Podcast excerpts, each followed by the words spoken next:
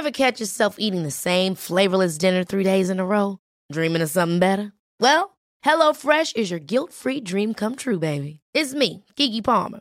Let's wake up those taste buds with hot, juicy pecan-crusted chicken or garlic butter shrimp scampi. Mm. Hello Fresh. Stop dreaming of all the delicious possibilities and dig in at HelloFresh.com. Let's get this dinner party started. I'm Sandra, and I'm just the professional your small business was looking for. But you didn't hire me because you didn't use LinkedIn jobs. LinkedIn has professionals you can't find anywhere else, including those who aren't actively looking for a new job but might be open to the perfect role, like me. In a given month, over 70% of LinkedIn users don't visit other leading job sites. So if you're not looking on LinkedIn, you'll miss out on great candidates like Sandra. Start hiring professionals like a professional. Post your free job on linkedin.com slash achieve today. Hej och välkommen tillbaka till Storytime.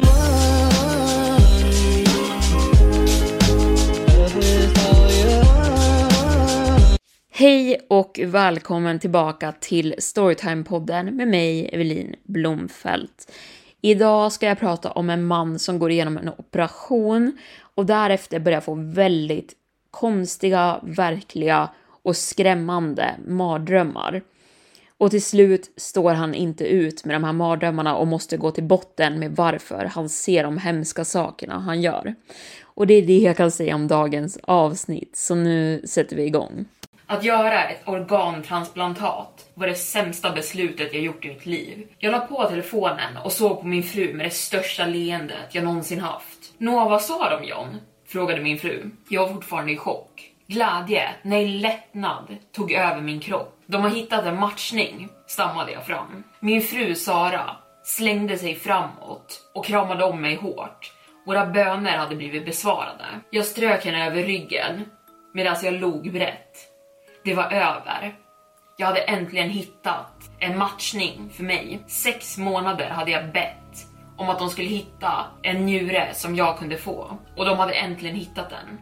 Jag hade inte känt mig så här lycklig sedan jag gifte mig. Det här telefonsamtalet var ett av de bästa sakerna som hänt mig någonsin. Eller ja, det var vad jag trodde i alla fall. Jag hade ingen aning om att en mardröm just hade börjat och mitt liv skulle aldrig bli detsamma igen. Jag är säker på att ni förväntar er en historia om hur operationen gick dåligt och misslyckades. Eller att jag vaknade under narkosen. Gud, jag önskar att det var fallet. Det skulle varit så mycket enklare, så mycket snabbare, så mycket mindre smärtsamt. Döden hade varit mer skoningsam jämfört med det här. För vad som hände var mardrömmar. Jag menar riktiga, hemska mardrömmar. De började kort efter jag kom hem från sjukhuset efter min operation. Och de började rätt simpla.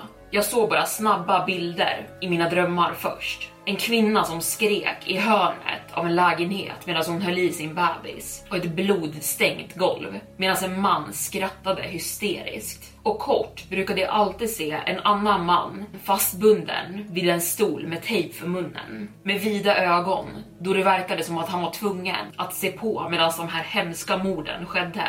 Det fanns ingen mening i drömmarna bortsett från vad jag såg och de alla var bara korta glimtar. De skilde sig från andra drömmar jag brukade ha. De var korta, som ett slags bildkollage, men de var väldigt verkliga.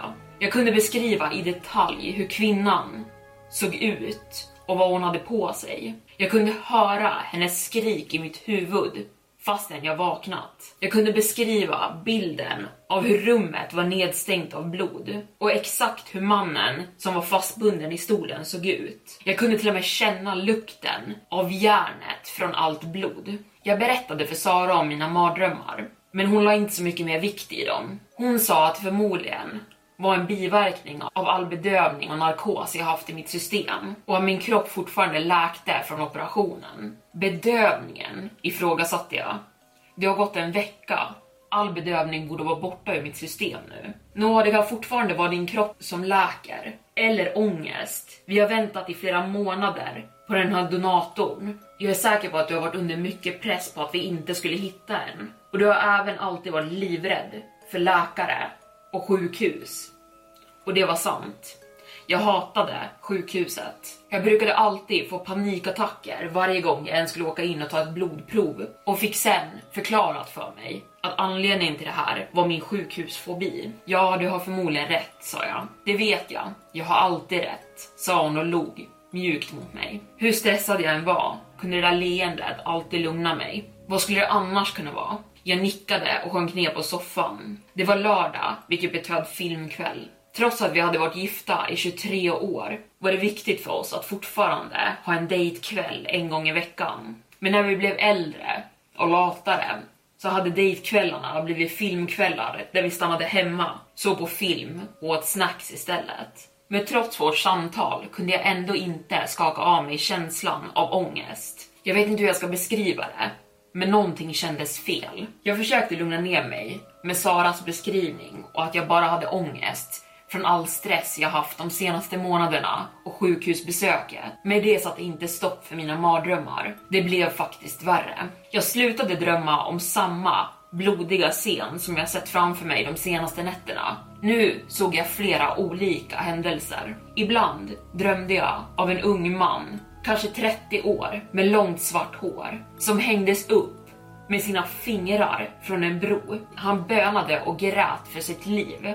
Jag kunde höra hur benen knäcktes i hans fingrar för hans hela kroppsvikt där han hängde och sakta tappade taget. Andra gånger såg jag en familj, alla fastbundna vid utemöbler inne i en lada som helt plötsligt gick upp i flammor. Jag såg på medan de skrek och elden svalde upp dem alla. Alla var olika mord, men alla lika hemska och våldsamma. Men de hade två saker gemensamt. Det fanns alltid en man som skrattade maniskt och den andra mannen som var fastbunden vid en stol och uppenbarligen tvingades att se på. Det här pågick i flera veckor. Jag berättade för min fru om drömmarna, hur störda de än var, men hon drog alltid slutsatsen att det var ångest eller att jag hade sett för många skräckfilmer. Det är inte bara ångest, skrek jag när vi hade börjat bråka över en av mina drömmar. Och det är inte skräckfilmer heller. Jag har sett på skräck hela mitt liv och jag har aldrig haft såna här drömmar förr. Nå, vad vill du göra åt det då?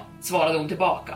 Jag satt ner vid köksbordet och placerade mitt huvud i mina händer. Det kändes som att jag skulle börja gråta för den första gången på flera år. Jag vet inte, men jag kan inte fortsätta ha de här drömmarna. Jag kan knappt sova längre. Du kanske borde gå och träffa en psykolog. En psykolog. Hur mycket ska det kosta för att någon med en utbildning ska berätta att jag har trauma från min barndom? Svarade jag kaxigt tillbaka. Kan du sluta, sa hon. Plus att din försäkring täcker terapi. Har du några andra idéer? Vill du inte sova igen? Jag suckade. Jag hade alltid sett på psykologer som scams. Men vad hade jag för andra alternativ? De här mardrömmarna gjorde mitt liv till ett levande helvete. Och det var inte bara min sömnbrist nu. Jag kunde inte få ur de hemska bilderna ur mitt huvud till och med när jag var vaken. De var alltid där. Alltid konstanta, klara bilder av hemska mord. Okej, jag kollar upp det imorgon. Det tog mig inte länge att hitta upp en psykolog. Och det visade sig att vi hade många i staden där jag bodde med tanke på hur eftertraktat det hade blivit med psykiatrisk hjälp på de senaste åren. Det fanns så det räckte och blev över. Och jag hittade en som täcktes som min försäkring och hade bra recensioner. En smal kvinna som såg ut och var ungefär i 30-årsåldern. Jag berättade för henne, psykologen, om mina drömmar och hur jag hade börjat uppleva dem efter min operation. Jag berättade att jag kunde se dem i tydliga detaljer och det gjorde till och med mitt vakna liv till en mardröm. Och hon gick igenom den vanliga checklistan. Hon frågade om jag upplevt någonting liknande förr eller om jag hade en historia av ångest eller psykiska sjukdomar. Om jag hade ätit starka läkemedel efter operationen. Och jag svarade nej på allt. Hon hade inga konkreta svar, men hon sa att det mest troliga var att min hjärna jobbade igenom all trauma jag gått igenom från att ha trott att jag skulle dö de senaste månaderna innan jag fick operationen. Hon sa att det var som att döden fortfarande var närvarande i mina drömmar. Och nu fast jag opererats och skulle få leva så hade jag fått PTSD. Jag trodde inte på henne. Men hon skrev ut mediciner till mig. En för ångest och en för att hjälpa mig sova. Men om jag äntligen får sova kommer jag ta vad hon än ger mig, tänkte jag för mig själv. Men det visade sig att medicinen gjorde ingenting. Ever catch yourself eating the same flavorless dinner three days in a row? Dreaming of something better? Well, HelloFresh is your guilt-free dream come true, baby. It's me, Gigi Palmer. Let's wake up those taste buds with hot, juicy pecan-crusted chicken or garlic butter shrimp scampi. Mm. Hello Fresh. Stop dreaming of all the delicious possibilities and dig in at HelloFresh.com. Let's get this dinner party started. If you thought the only way to get a more defined jawline with natural looking results was through surgery, think again. Juvederm Volux XC is a non surgical injectable gel filler that improves moderate to severe loss of jawline definition and can help you achieve natural looking results with little downtime. Even better, this improved definition lasts up to one year with optimal treatment. No maintenance required. Improve jawline definition for a smooth, sculpted look with Juvederm Volux XC. For important safety information and to find a licensed specialist, visit juvederm.com. That's J U V E D E R M.com. Not for people with severe allergic reactions, allergies to lidocaine, or the proteins used in Juvederm. Common side effects include injection site redness, swelling, pain, tenderness, firmness, lumps, bumps, bruising, discoloration, or itching. There's a risk of unintentional injection into a blood vessel, which can cause vision abnormalities, blindness, stroke, temporary scabs, or scarring. Talk to a licensed specialist to find out if it's right for you. Millions of people have lost weight with personalized plans from Noom, like Evan, who can't stand salads and still lost 50 pounds. Salads, generally, for most people, are the easy button, right? For me, that wasn't an option. I never really was a salad guy. That's just not who I am. But Noom worked for me. Get your personalized plan today at Noom.com. Real Noom user compensated to provide their story. In four weeks, the typical Noom user can expect to lose one to two pounds per week. Individual results may vary. I'm Sandra, and I'm just the professional your small business was looking for. But you didn't hire me because you didn't use LinkedIn jobs. LinkedIn has professionals you can't find anywhere else, including those who aren't actively looking for a new job but might be open to the perfect role, like me. In a given month, over 70% of LinkedIn users don't visit other leading job sites. So if you're not looking on LinkedIn, you'll miss out on great candidates like Sandra. Start hiring professionals like a professional. Post your free job on LinkedIn.com slash achieve today. Eller ja, de gjorde faktiskt mardrömmarna värre. Efter några dagar fick jag ännu värre drömmar än jag haft tidigare. Och två av dem fastnade verkligen med mig. En var av en man som grät medan han blev tvingad att äta någonting rått som inte förmodligen var kött. Och till och med i min dröm fick jag kvällningar. Och i en annan dröm såg jag en man bli nerputtad i ett sågverk. Och jag behöver nog inte berätta detaljerna om den drömmen för er. Och precis som med alla andra drömmar var det fortfarande samma psykopatiska skratt och samma man fastbunden vid en stol. Mannen som satt fastbunden började ändra utseende. Han började se mer och mer sliten ut för varje dröm jag hade. Han hade förmodligen gått ner flera kilo från när drömmarna började. Ingenting hjälpte mig längre och jag vågade knappt somna. Jag hade tur om jag fick två timmars sömn per natt. Men de flesta nätterna låg jag bara i sängen vidvaken och svettades. Jag kunde inte tolerera de här drömmarna längre. Jag stod inte ut. Och även om jag försökte sova under dagarna istället så hjälpte det inte. Jag hade fortfarande mardrömmarna. Min fru hjälpte inte. Hon fortsatte insistera att jag skulle prata med en psykolog igen att jag skulle ta min medicin. Men jag satte ner min fot och vägrade. Vad det än var som försiggick med mig så skulle inte terapi hjälpa. Allting det här hade börjat när jag fick min nya njure. Så jag bestämde mig för att jag skulle börja där. Men jag visste inte vart jag skulle börja. Jag hade ingen aning om drömmarna hörde ihop med min nya njure. Om någonting var sammankopplat. Vad 17 kunde en njure ha att göra med drömmarna jag hade? Jag försökte gå till botten med vad som hade hänt under tiden innan det här började. Hade jag sett någon hemsk historia på nyheterna om en seriemördare? Eller hade läkarna pratat om någonting under operationen när jag var nedsövd? Jag forskade i båda de här sakerna men hittade inget. Så till slut, utan någonting annat att göra, sökte jag upp läkaren som utfört operationen på mig. Jag ville veta vart njuren hade kommit ifrån och vanligtvis vet inte läkare om sånt här. Men först ville han veta varför jag undrade Och jag ljög och berättade att jag ville tacka personen som donerat den och skicka en gåva för att de räddat mitt liv. Och till slut efter en lång konversation om fram och tillbaka skickade han en lista med serienummer. Alla organ som donerades hade ett serienummer och på det sättet kunde jag spåra vart den kommit ifrån. Och till slut fick jag fram namnet Samuel Horn. Samuel Horn. Det var den mannens njure jag nu hade.